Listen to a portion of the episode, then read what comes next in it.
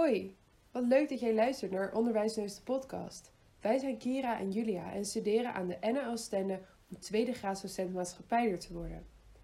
In deze podcast bespreken we alles wat ons bezighoudt omtrent onderwijs en studeren. Waar lopen wij als begindocent tegenaan? Wat maken we mee op stage? En wat komt bij docentschap kijken wat wij nog niet wisten? Al onze hersenspinsels hoor je in deze podcast.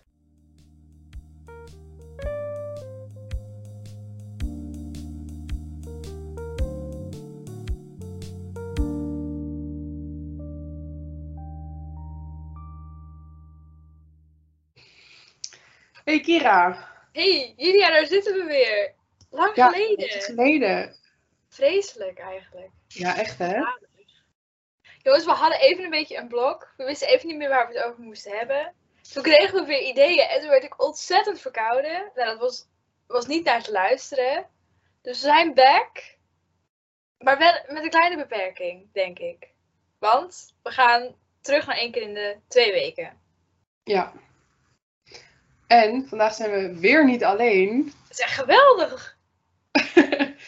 We hebben vandaag twee gasten, Femke en Lisa. En zij zitten bij ons op de opleiding en hebben als eerste een MBO-opleiding afgerond en zitten nu op het HBO. En daar gaan we het vandaag over hebben. Van MBO naar HBO. Hoi! Joehoe! Hallo! Ik stel jullie even voor. Ja, Nou, Femke, take it away. Nou, ik ben Femke, ik ben eh, 21 jaar. Ik heb eh, drie jaar lang de opleiding onderwijsassistent gevolgd op het MBO op het Friesland College. En nu zit ik hier in het tweede jaar op uh, maatschappijleerdocent in, eh, op de NHL Stende. Ja, nou, ik ben Lisa, ik ben 22 jaar oud. Ik heb dus ook onderwijsassistent gevolgd, eh, drie jaar lang en afgerond. Eh, en eh, toen dacht ik dat ik naar de PABO zou gaan. Is toch even wat anders gelopen, want eh, mijn interesse lag toch eh, bij de iets hogere leeftijd. Eh, en zo ben ik op eh, docent maatschappijleer beland. Dus dat, leuk. ja. Nou, en dan meteen de vraag, want jullie hebben dus bij de onderwijsassistent ook echt afgerond. Waarom dan nog doorstuderen als docent maatschappijleer? Ehm, nou, voor mij is het geval eh onderwijsassistent is echt eh ja, een leuke opleiding. Maar er is eigenlijk vrij weinig werk een onderwijsassistent. Want een onderwijsassistent kost ook veel geld voor scholen. Nu in de kroon heb je natuurlijk er wel eh, plek voor. Maar eh, je verdient natuurlijk wel een leuk salaris. Maar je kan er zeg maar niet. Het is moeilijk om daarmee en een huis laten te kopen. En je kinderen te verzorgen. En ik heb toch wel echt wel een passie voor lesgeven. Maar dan inderdaad ook niet gericht op kleine kinderen. Dat is dan toch net niet mijn doelgroep. Ja, ik had eigenlijk wel altijd wel een passie voor maatschappijleer. Dus ik heb ooit een keer gezegd van, nou, dit lijkt me echt tof om te doen. En toch gedaan. Zo'n beetje, ja. En hoe zit dat bij jou, Lisa? Ja, nou ja, ik, eh, ik begon met onderwijsassistent met het idee om eh, inderdaad de PABO te gaan doen. Dus het trok mij heel erg aan om eh, in het basisonderwijs eigenlijk aan de slag te gaan als juf. Eh, en toen heb ik drie jaar lang in het onderwijs stage gelopen. Eh, en toen zag ik eigenlijk ten eerste hoe enorm hoog de werkdruk is eh, op het basisonderwijs. Want je moet een alleskunner zijn. Je kan je niet specialiseren in één vak. Ehm, en daarbij ben je ook een soort van tweede opvoeder haast. Want die kinderen die komen 's ochtends om eh, half negen binnen. En om drie uur vertrekken ze weer. En dat ja, vond ik toch wel heel pittig. En ik was eigenlijk op zoek naar ja, meer diepgang dan alleen maar wat is 5 plus 5. En eh, ja, even heel bot gezegd luiers verschonen, zeg maar. En eh, toen dacht ik, ja, waar ligt dan mijn interesse? En toen dacht ik omgangskunde, maatschappijleer, een beetje in de hoek van de maatschappij. En toen ben ik bij eh, docent maatschappijleer uitgekomen. Moet ik, moet ik wel zeggen dat ik zeg maar echt geen mbo kon kiezen. En dat mijn moeder toch een beetje gepusht heeft van... Hé, hey, anders probeer je gewoon onderwijsassistent. Dat lijkt toch een beetje...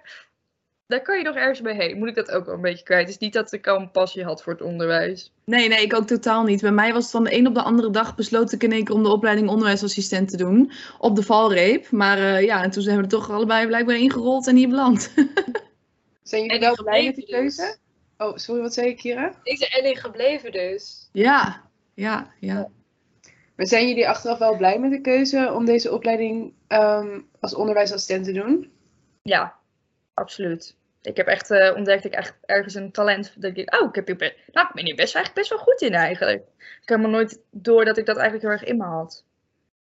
Goh, ja, ja, ik was hiervoor kapster. En uh, op mijn zeventiende was ik klaar met de kappersopleiding. En stond ik in de kapsalon te knippen. En toen dacht ik, ja, en nu ga ik dit dan uh, de komende 50 jaar doen. En uh, zodra ik eigenlijk de keuze had gemaakt om iets anders te gaan doen, voelde ik al een soort van opluchting over me heen gaan. Dus ik was eigenlijk al heel blij dat ik überhaupt iets anders ging doen, zeg maar. En uh, toen viel onderwijsassistent ook me nog eens ontzettend mee en vond ik het eigenlijk superleuk. Dus ja, ik ben heel blij met mijn keuze. Oh, tof. Echt ja. leuk. Dus de passie voor onderwijs, het is wel daar echt al begonnen. Ja, ja absoluut. Oh, en hoe bevalt het HBO nu? Want dat is toch best wel een stap. We horen van de eerste jaar iedere keer, oh, dan kom ik van het MBO, hoe gaat het dan op het HBO? Wat, wat, hoe hebben jullie dat ervaren? Rollercoaster. Rollercoaster. Ja. Een rollercoaster of toetsen en een rollercoaster. Ja, nee, ik had het echt onderschat hoor. Ja, ze zeggen altijd, ja, ik weet niet of Lisa het herkent, maar zo'n opleiding zegt, ja, het is wel echt, het is echt wel even een stapje hoger. Ja, nou ja, hè, eerst zien dan geloven, nou. Nou ja, het ding is gewoon, als jij uh, bijvoorbeeld KB hebt gedaan op de middelbare school en daarna stroom je door naar een MBO en dan een HBO, dan mis je eigenlijk dat essentiële stuk van het leren studeren. Ja. Um, en dat is wel echt een shock geweest voor mij persoonlijk. En ik denk ook voor Femke, dat je dan op het HBO komt en dat je in één keer moet kunnen stampen als een malle. En dat heb ik gewoon nog nooit eerder eigenlijk echt gedaan, behalve de eerste klas van de middelbare school. En hoe lang dat al geleden is, daar gaan we het nu niet over hebben, maar dat uh, was ik wel flink verleerd. Dus ja. het is tot op de dag van vandaag voor mij persoonlijk echt nog super pittig. Ik merk ook, ik denk dat Lies en ik allebei dat proces nog heel erg hebben. Wij zijn echt nog in het proces leren leren.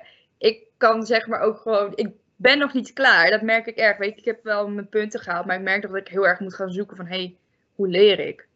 Hoe ja. wil ik? Hoe blijft het hangen? Ja. En hadden jullie daarbij begeleid willen worden vanuit de opleiding? Of zijn jullie begeleid vanuit de opleiding?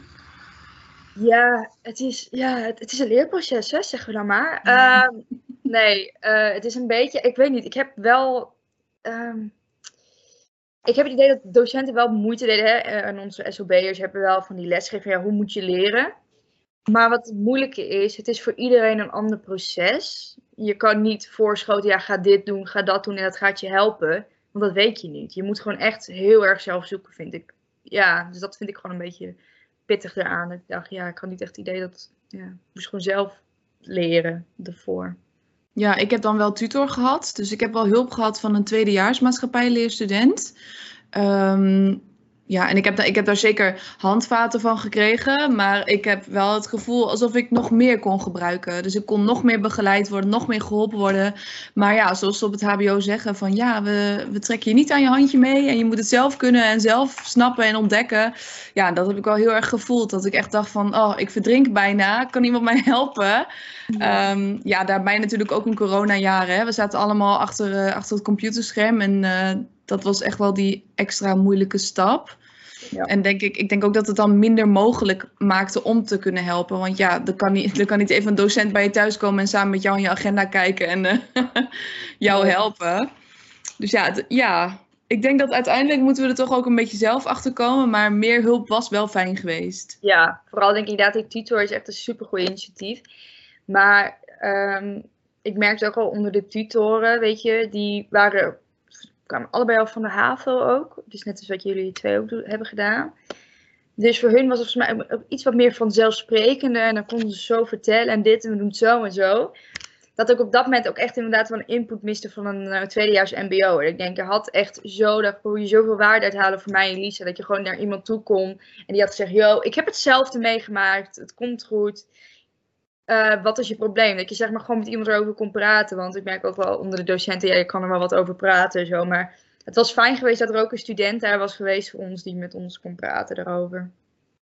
Hebben jullie wel eens een stukje maatwerk dan gemist? Wat Femke zegt van ik miste eigenlijk een tutor met een mbo-achtergrond. En natuurlijk heeft corona dat vermoeilijkt, dat maatwerk. Maar denken jullie dat jullie dat vooruit had geholpen? Dat, dat er meer maatwerk geboden werd uh, in verband met je achtergrond? Dat denk ik wel In mijn Ik denk ook absoluut. En eh, weet je, ik zou haast zeggen, stop een jaar tussen MBO en HBO in om, eh, om een soort van die overstap nog eh, te kunnen doen als MBO'er. Want de kloof is gewoon zo ontzettend groot dat je gewoon, ja, je, je weet niet wat je meemaakt, joh. Als je, als je op het HBO komt vanaf het MBO 4, nou, dat Ja. is echt zo'n wereld van verschil. Daar, daar moet je inderdaad hulp bij hebben. Eh, of het moet gewoon bij de MBO-opleiding inzitten. Dat ze je een soort van, soort van gaan voorbereiden op het HBO, zeg maar. Ja. Dus maatwerk was echt wel heel fijn geweest, ja. Dat keuzedeel had ik dan wel, inderdaad. Eh, eh, op het MBO heb je een soort van, ook een beetje minor ideeën. Eh, maar dat heet dan keuzedelen. En dan moest je verplicht twee keuzedelen in een jaar of volgen. En dan moest je zeg maar wekenlang een soort speciaal vak. Dan had je bij ons op school ook voorbereid op HBO. En dan ging je letterlijk gewoon naar de NHL-standen om te kijken. Dan denk ik, ja, maar dat, heb, dat helpt niet bij de voorbereiding. Of ze hadden alleen maar voorbereiding voor de parabo. Terwijl ik denk, ja, lekker leuk voor de andere mensen die social work, veel onderwijsassistenten gaan naar social work, naar pedagogiek, naar de docentenopleiding. Dus daardoor miste ik het inderdaad ook wel op het mbo. Ik denk, ja, dan doe je een soort van je best, maar net niet wat eigenlijk iedereen op dat moment vaak nodig heeft. Gewoon het hier, dit gebeurt er, hier bereid je hierop voor. Ja, en wat voor maatwerk hadden jullie dan wel willen zien? Ik denk hulp met, hey, hoe lees je aandachtelijk een boek, zeg maar. Hè? Bijvoorbeeld onze boeken die wij lezen, vind ik ook heel moeilijk om te lezen, omdat ik gewoon niet, dat, ik kan dat zeg maar niet goed aandachtelijk lezen, van, oh ja, dit moet ik weten. Ik had fijner gevonden dat we daar hulp bij kregen en inderdaad gewoon van, hey, hoe beantwoord je een tentamen? Ik heb mijn eerste tentamen letterlijk beantwoord hoe jullie, hoe ik mijn eerste klastoets beantwoordde. Gewoon alleen antwoord geven daar is ook nooit wat over verteld. Dat soort dingen. Van hoe beantwoord je een tentamen? Hoe leer je? Ja, dat leren niet echt, maar gewoon tips geven. Maar gewoon vooral hoe beantwoord je een tentamen?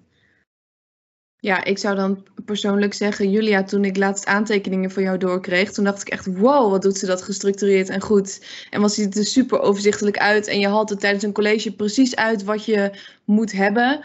Nou, dat mis ik al, dat ik denk, ja, ik heb nooit van mijn leven ehm, gestructureerd aantekeningen hoeven maken om het vervolgens te kunnen studeren en op te kunnen nemen. Dus ja, ik had dan hulp willen hebben in aantekeningen maken. Eh, inderdaad, hoe maak je een tentamen? Ehm, ja, en een beetje algemene ondersteuning. Dat ook iemand af en toe even naar je omkijkt. Zo van, joh, leef je nog? ja, omdat het toch wel een grote stap is. Ja. Ja. Ja, en niet te vergeten, bij het MBO word je wel ontzettend veel geholpen hè, door mentoren. Eh, dan word je eigenlijk van alle kanten een soort van naar voren geduwd en je moet het maar halen. En al die docenten die zijn een soort van onde- onderdeel van jouw progressie en jouw reis. Eh, en op het HBO ja, moet je gewoon echt zwemmen. En eh, ja, dat is wel gewoon een grote stap. Ja, ik val weer in herhaling. Ja, dus jullie zeggen eigenlijk qua studievaardigheden zit er gewoon een heel gat, groot gat tussen MBO en HBO. Ja. Een gat wat eigenlijk nog op zou moeten worden gevuld met een, wat Lisa ook zegt, met een jaar een soort van voorlichting of een soort van extra lessen, iets meer dan een keuzedeel, waardoor je echt wordt voorbereid op wat het HBO daadwerkelijk inhoudt. Ja, Ja. ja. inderdaad. Ja, een jaar is misschien iets overdreven, maar in ieder geval een paar maanden voorbereiding of één persoon die jou daar specifiek bij be- gaat begeleiden tijdens de studie. Ja, dat, dat had al een heel verschil gemaakt, denk ik. Bijvoorbeeld de eerste drie maanden of een half jaar dat je gewoon bijvoorbeeld standaard een lesuur had, één keer in de week van eh, voor de MBO'ers die dan oh, gooi je heel veel van een docentopleiding in één zo'n klas. Dat maakt niet uit, maar gewoon dat je even één keer per week gewoon even kon praten met iemand erover die het wat beter begreep. En hebben jullie dan ook echt dingen ontdekt nu na een jaar op de docentopleiding waarvan je denkt, oké, maar dit werkt dus wel voor mij? Zijn er al, hebben jullie al stappen gemaakt die je nu in het tweede jaar al heel goed vooruit helpen? En tips die je anderen ook mee zou willen geven? Tentamens maken. Deze tip heb ik ook van een klasgenoot van ons gekregen. En het echt, het, is mijn het heeft mijn leven gered met tentamens maken. Altijd, eh, hey, je hebt heel vaak, wil je te lang antwoord, maar dan moet je bepaalde begrippen in noemen. Pak een markeerstift en gewoon kleur die begrippen die je gebruikt. Dat je weet van, hey, dat begrip heb ik gebruikt, die heb ik gebruikt en die. Die zijn cruciaal voor dat, eh, voor dat begrip. En voor docent is het lekker nakijken, want die zegt, oh, oké, die heeft ze genoemd, die heeft ze ook genoemd. Oké, top. Het is gewoon zo fijn dat je voor jezelf dan even moment hebt van, heb ik alle begrippen in mijn antwoord gegooid? Echt, en ja, dat heeft bij mij het afgelopen twee maanden, heb ik dat ontdekt, twee maanden geleden. En daardoor heb ik ook echt denk ik wel mijn toetsen gehaald, omdat ik dan voor mezelf zo goed gestructureerd gewoon een antwoord kon geven en met alles erin. Ja, en ja, ik heb ook wel een tip. Tenminste, wat, mij, wat voor mij dan persoonlijk werkt, is eh, ik eh, gebruik nu een website, wrts.nl. eh, Words ook wel. En daarmee maak ik eigenlijk oefentoetsen voor mezelf. van alle samenvattende stof die ik zeg maar in colleges heb meegekregen en uit het boek heb gehaald. En zo overhoor ik me- mezelf eigenlijk gewoon totdat ik alles ken. Eh, en die website die zorgt er ook voor dat, eh, dat je door blijft gaan totdat je alles een keer goed hebt beantwoord. Dus je gaat door tot het bittere einde. Ehm, ja, dat heeft me wel ontzettend ge- geholpen eigenlijk. Wat een leuke tip. Ja, ja, het is echt een beetje het ouderwetse stampen, maar eh, het heeft mij echt ontzettend geholpen. Vooral omdat eh, ja, in mijn omgeving heeft niet iemand zin om de hele dag met mij woorden te stampen of eh, betekenis of begrippen. En eh, ja, bij die Word-site eh, ja, werkt dat gewoon super handig. Zit je eigenlijk gewoon jezelf te overhoren de hele tijd en dat werkt gewoon heel fijn. Ja. En eh, we hebben dit jaar natuurlijk, of vorig, vorig schooljaar ook stage gelopen. Hoe was de overgang van onderwijsassistent naar echt voor de klas zoals Oh, wij dat nu kennen? Een warm bad. Oh, ik dacht, ja, ik ben op mijn plekje hoor. Zet mij alsjeblieft in de praktijk en je hebt geen last meer van mij. Ik ben gewoon klaar weg hoor. Nee, dat was echt heel fijn. Ik was eindelijk echt, zeg maar, degene waar ik eigenlijk voor kom, is toch stage. Dat, oh, wat klinkt dat MBO? Ik kom voor het stage. Ja, je bent is natuurlijk heel praktijkgericht. Ik weet echt van, van onze opleiding. Ik heb dag één eigenlijk al, moet je gelijk stage lopen, zeg maar, week één. Dus als je dan op stage kwam, was het voor mij eigenlijk een soort opluchting. Daar kon ik gewoon mijn ding doen, kon ik laten zien wat ik kan. En heel veel, ja, dat, oh, ik vind zo gek om te zeggen, maar heel veel van klassenmanagement, dat hebben wij al gehad. Dat heel erg praktijkgerichte ervan. Dus als ik op stage, toen ik naar stage ging, was ik heel blij. Ik kon mijn ding doen. En ja, dat geeft dan toch wel even een lekker gevoel. Nou ja, kijk, en er is ook een reden waarom onderwijsassistent zijn tegenwoordig zo populair is. Dat komt gewoon door, dat, door dikke onderbezetting in het onderwijs. Eh, en dat heeft er ook voor gezorgd dat wij allebei, waarschijnlijk, ik spreek nu ook voor jou Femke, maar dat wij eigenlijk allebei gewoon regelmatig hebben gehad dat we gewoon voor de klas werden gegooid. Terwijl ja. wij zijn niet opgeleid als docent, wij zijn opgeleid als onderwijsassistent. Maar dit zorgt er wel voor dat wij in een zekere zin voor stage, denk ik, wel een beetje voorlopen. Omdat inderdaad voor de klas staan is voor ons al een warm bad. Het blijft misschien spannend, want je, ja, je bent er een jaartje, heb je er toch een beetje uitgelegen of zo. Maar eh, toen ik eh, stage ging lopen op het MBO, waar ik dus zelf net vandaan kwam. Ja, ik was totaal niet gespannen. Ik dacht, ja, is goed, doen we even. En eh, we zijn weer terug bij eh, waar we begonnen waren. Ja, geen probleem. Ik vind het ook heel grappig, hadden Lisa en ik het dus over. eh, dat onze hè, SOB, die was van ja, ja, bereid je voor, je gaat twee dagen stage lopen. Dat is echt heel heftig. En Lisa en ik tegen elkaar. Ja, dit moet ik eerst maar eens even zien, want dit hebben we al heel lang gedaan, vaak twee dagen stage. Dat we allebei een beetje zo eigenlijk een beetje waren van. Ze, ze maakt het wel heel eng voor jullie allemaal, voor iedereen. Zo van, ja, denk je gaat twee dagen stage, je hebt nergens meer tijd voor.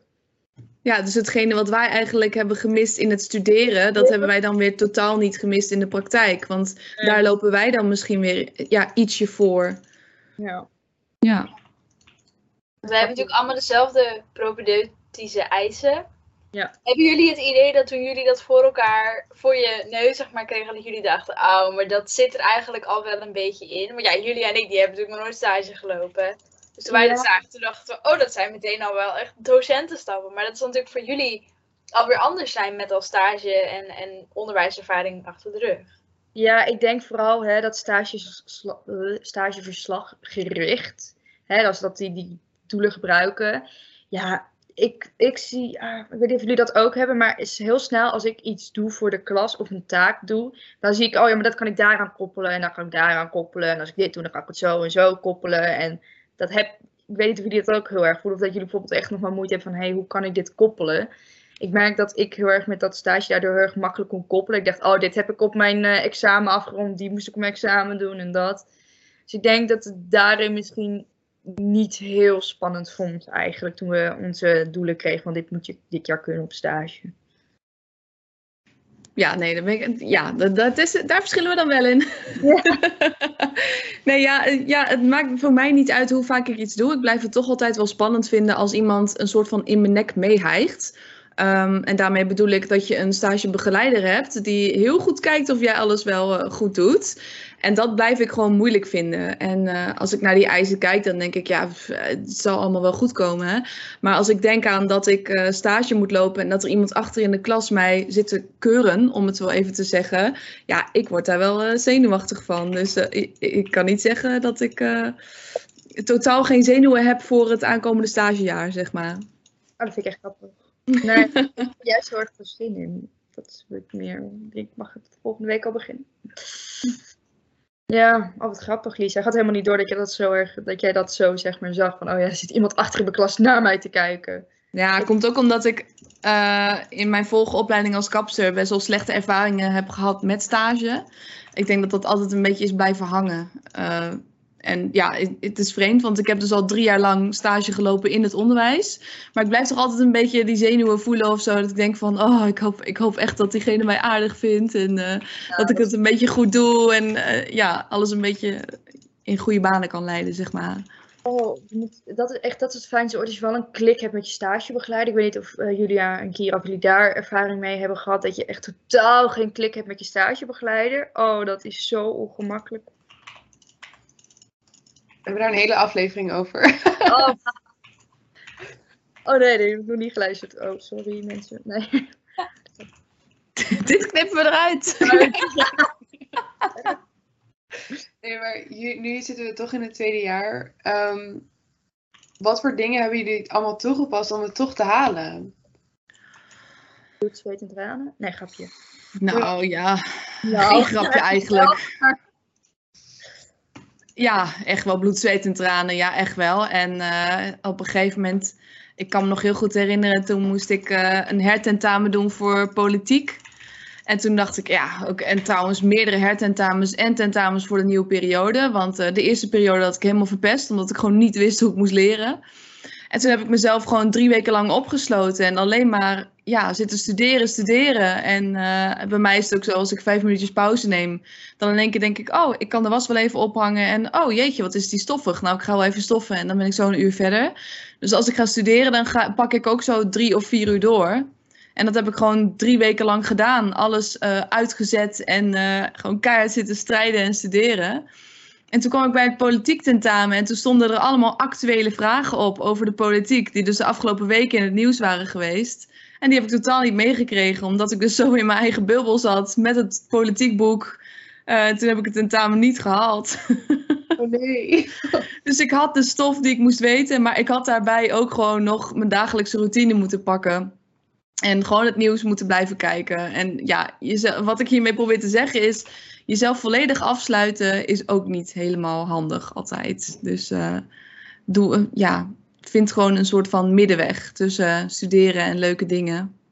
Ja. Of pak een dagdeel, dat doe ik vaak. Of ik pak een ochtend leren of een middag leren. Maar dat je bijvoorbeeld al over de ene helft van het dagdeel dat je even wat anders kunt doen. Bijvoorbeeld dat je even gaat sporten of dat ik dat zou zeggen ooit, dat je even gaat sporten of even lekker naar de stad toe. Maar dat je wel even ook gewoon jezelf ook wel een moment van rust gunt. Want ja, crash leren gaat echt niet, dat gaat ook niet werken. Want dan neem je het niet meer op. Denk je op een gegeven moment, ja, wat, wat, wat, leer ik nou eigenlijk? Ik denk dat dat, dat heeft mij erg geholpen. In het begin was ik altijd, ik denk, oh, ik moet 24-7 leren of zo. Ja, weet ik veel hoe het werkt. Dus dat heb ik heel erg geleerd.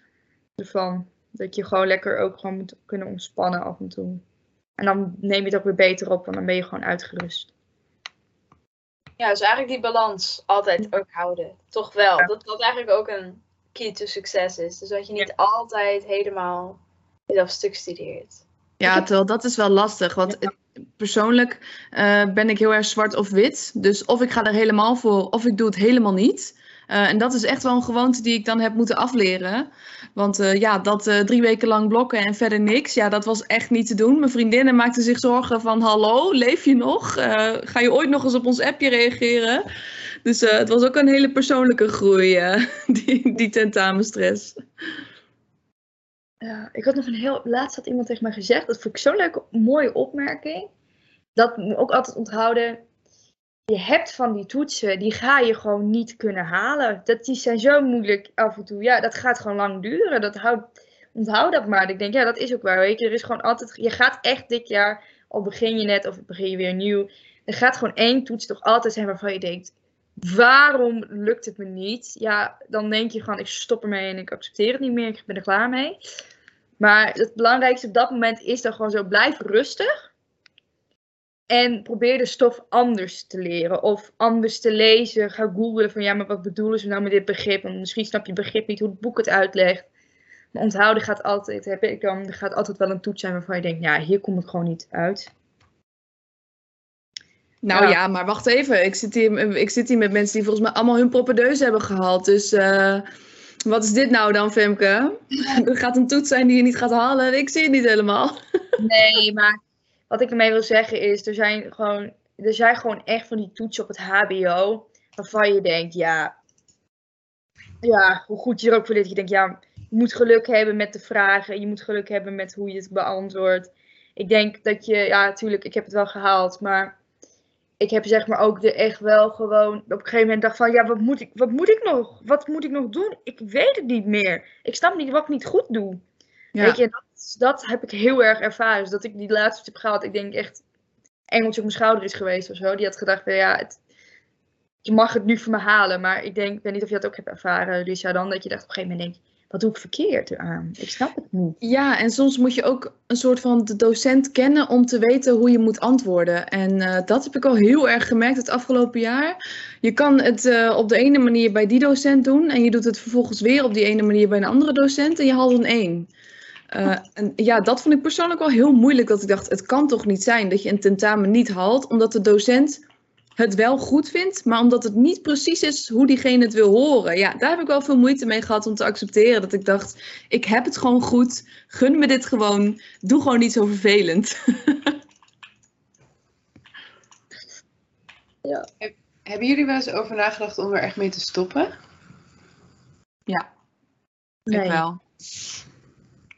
En eh, nou ja, oh, ja, ik stond niet op het punt van ik schrijf me nu uit. Maar eh, toen ik in de eerste periode, in het eerste jaar, niks had gehaald, toen ging ik wel heel erg twijfelen aan ja, mijn kunnen.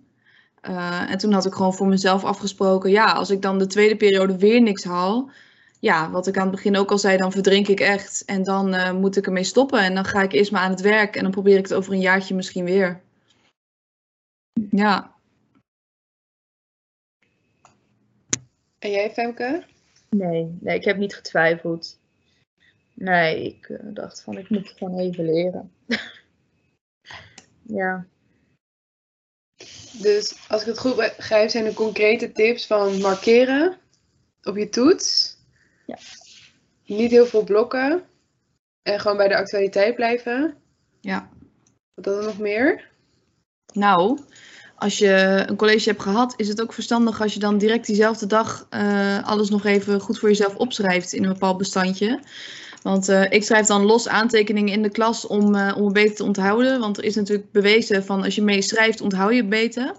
En dan aan het einde van de dag, dan ga ik diezelfde dag, zet ik het nog even in een formatje op mijn computer. zodat je er toch weer even mee bezig bent.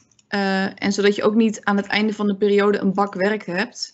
En dat het uitzichtloos lijkt. En dat heeft bij mij ook wel heel erg geholpen. Dat je gewoon bijblijft bij de stof en meeleest. En eh, de vragen stelt die je wil stellen. Ik bedoel, soms denk ik, oh jeetje, ik ga echt een domme vraag stellen. Jullie horen me regelmatig in de klas van, oh dit is echt een domme vraag, maar ik ga hem wel even stellen.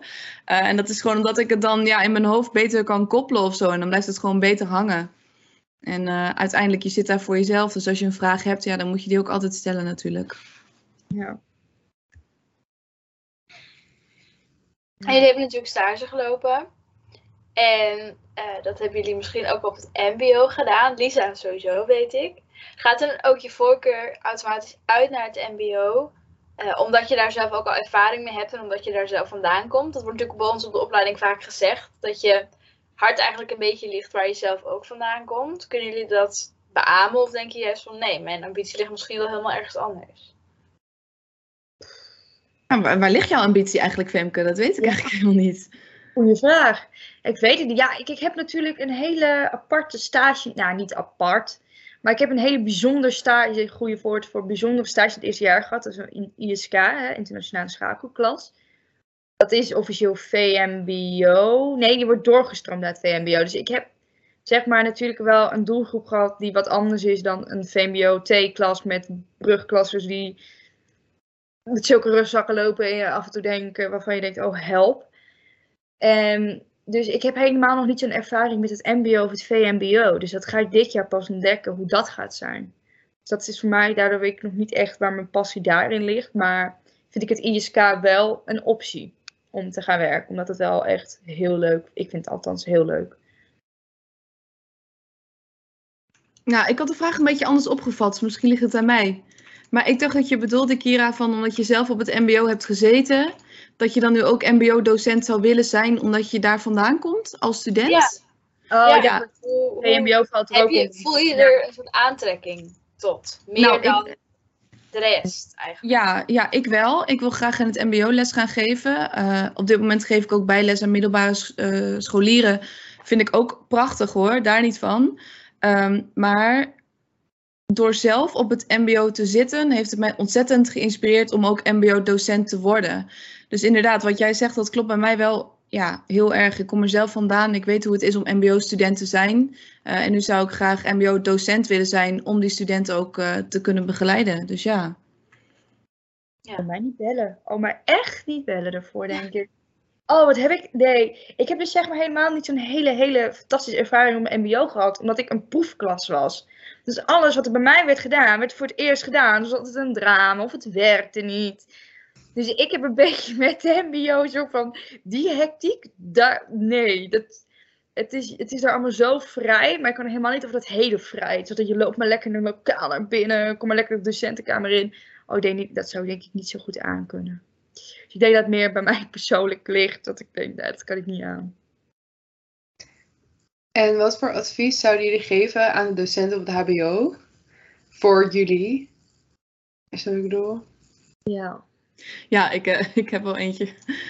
Ga er niet van uit dat, eh, dat de student elk moeilijk woord kent. Ga daar niet zomaar van uit, want eh, ja, soms dan wordt er college gegeven en ik begrijp dat eh, de spreektaal op een bepaald niveau moet liggen. Dat begrijp ik heel goed. Maar kijk wel even in het rond of je iedereen er nog bij hebt. En of mensen niet helemaal verward om zich heen kijken. Zo van, wat is dit nou weer voor woord? Want eh, dat heb ik vooral de afgelopen weken heel erg gemerkt. Daar hebben we het volgens mij ook wel eens over gehad. Ja, dan wordt er iets uitgelegd en dan zit ik nog drie zinnen terug. Van, hè, maar wat, wat betekent dat woord überhaupt? Die diegene gewoon in die zin gebruikte, zeg maar. Niet per se het begrip die diegene probeert uit te leggen, maar ja, ik weet niet helemaal hoe ik het moet uitleggen, maar ja, ja, probeer de taal gewoon niet altijd te moeilijk te maken, want dan raak je misschien studenten kwijt Ja. in de uitleg. Ja, En ook af en toe, wat ik dan ook wel heel erg een beetje af en toe heel erg mis bij HBO-docenten, is dat ze heel erg soms voorbeelden. Ja, maar hier op de HAVO deed je het zo, op de HAVO deed je het zo. En dan denk ik, ja, hoi, maar er zit ook nog een groep die dat niet heeft gedaan. Dat er soms heel erg van uit wordt gegaan, wel ja, de, HBO, dus de helft van mijn klas is HAVO. Terwijl ik denk, ja, maar er zit ook een procent MBO in. Het is soms ook fijn dat je even voor hun even een steunpaaltje van, ja, denk hier maar aan. Ik denk, oh ja, precies dat mis ik af en toe ook wel eens bij docenten. Dat het dan heel erg vanuit wordt gegaan dat je het maar wel weet. Dat ik denk, ja, maar ik kom van een heel ander niveau. Ja, en toen ik eh, net op de studie kwam bij de open dag, toen is mij ook door een docent eh, verteld van, eh, ja, je komt van onderwijsassistent, waarom ga je niet gewoon de PABO doen? Want hier moet je heel veel lezen. En dat is me zo bijgebleven, omdat ik dat zo verschrikkelijk ontmoedigend vond, dat ik dacht, ja, ik doe juist zo mijn best om het mbo te doen, zodat ik naar het hbo kan. En nu wordt er een soort van op mij neergekeken, omdat ik het via een andere weg heb gedaan dan wanneer ik de HAVO zou hebben gedaan. En dat is me wel heel erg bijgebleven. En dat, ja, het lijkt mij gewoon voor niemand positief om iemand een soort van, ja, om, om, om denigrerend te doen over iemand die van het MBO komt. Want gelukkig heeft het mij gewoon gemotiveerd om door te gaan. Dat ik dacht, nou, ik zal eens laten zien wat ik allemaal kan. Maar het kan natuurlijk ook ontzettend tegen draads werken, waardoor iemand denkt, oh ja, inderdaad, ja, ik kan dit niet. Nou, ik ga wel naar de PABO. En dan uiteindelijk iets doet waar hij totaal niet gelukkig van wordt. Dus een tip aan de docenten, blijf gewoon motiverend naar je studenten toe. Want dat kan echt zo'n verschil maken. Klopt, eens. ja, dat heb ik dan af en toe ook wel, dat het soms toch wel een beetje naar wordt gekeken. Nou, ik zou het gewoon niet aanraden. Ik denk, ja, maar nee. Iedereen is anders. En eh, dat- ik heb gewoon, iedereen volgt zijn eigen weg. Ja, ja dat is het gewoon. Iedereen doet het eh, stap voor stap. Ik ben gewoon ook een laadbloeier. Bij mij kwam ook pas in de derde, vierde klas naar buiten. Ik toch nog wel een niveautje hoger kon doen, omdat het toch allemaal wel wat te makkelijk afging. Maar bij iedereen is die stap zo anders. En ik vind dat inderdaad gewoon, ik denk, je moet naar de persoon kijken en niet naar het niveau alleen. Zo, dat, eh, Nou, dankjewel. Ik denk dat dit een mooie afsluiter is, of niet, Kira? Nou, ik heb nog wel één vraag. Want we hebben natuurlijk best wel veel ellende besproken nu. Over dat het moeilijk is en dat het gat groot is en zo.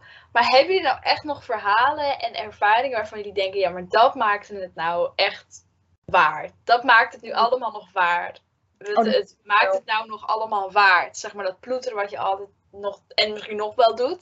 Wat is dan echt nog die motivatie dat je denkt van ja, maar ik wil dit echt. Wat Nou, wat houdt ik- je tegen van die nhlstanden.com slash uitschrijven? Nou, ik had zo'n moment, dat was voor mij gewoon echt een moment van, oké, nou ja, toen ik mijn stage had afgesloten met een goed. En dat ik eh, mijn laatste derde kans, dus was eh, een kans dat ik nog mijn P kon halen, een propedeuse. En dat ik een mailtje kreeg, echt, ik stond midden in de stad, ik moest over een half uur werken. En dat er stond van, Fem, je hebt het gehaald. En ik dacht, het was echt zo'n moment dat ik dacht, ik kan het. Ik, ik heb het in me. Ik, stage heb ik met een goed afgerond. Ik heb mijn toetsen gehaald hou, hou op om jezelf zo naar beneden te praten, weet je. Meid, je kan het gewoon. En nogmaals, Lies, iedereen doet op zijn eigen tempo. Iedereen kan het gewoon. Iedereen die nu nog zit, denk ik echt heel veel van... Ik denk, ja, weet je, we zitten hier nog. En dat is met een reden, omdat we het gewoon wel kunnen. Dus dat ik echt zo'n moment dat ik echt een soort van opluchting had. En gewoon dat ik heel trots op mezelf een keer was of zo. Oh, dat klinkt heel hysterisch, maar dat voelde ik zo. Ja, ik heb eigenlijk twee momenten. Eh, bij mij was het zo, het moment dat ik een toets had gehaald waarvan ik totaal niet had verwacht dat ik hem zou halen. Dat was echt wel eh, aan het einde van het jaar ook, waardoor eh, dat ervoor zorgde dat ik toch nog 50 punten had gehaald en dan in de officiële zin mijn BSA had gehaald. Dat was ook een moment dat ik dacht, ja, zie je wel, ik kan het wel. Ik bedoel, twee toetsen inhalen moet ik nog dit jaar. Dat is prima te overzien en ik zit hier niet voor niks. Ehm, en ook het, ja, het tweede ding is dan, altijd als ik om me heen kijk, zie ik maatschappijleer. Overal waar ik kijk, zie Ja. ik wat, wat mij zo aan het hart gaat en wat ik zo mooi vind aan het vak. En dan denk ik gewoon, ja, ik wil hier me verder in verdiepen. Ik wil hier les over geven. Ehm, ik wil hier met jongeren over praten. En ja, eh, ik moet zeggen, alles wat ik om me heen zie, motiveert mij oneindig om de studie af te maken. En eh, dat is waarom ik hier ben. ja, daar kan ik me ook een beetje aan aansluiten. Mooi gezegd, Lisa.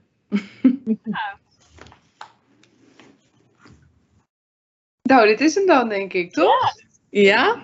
Ja? Ja. Nou, echt heel erg bedankt dat jullie langs willen komen. Ja, geen probleem. Graag gedaan, was leuk. Ja, inspirerend. Ja, echt. Ja. en dan zien we jullie, denk ik. Oh nee, dan.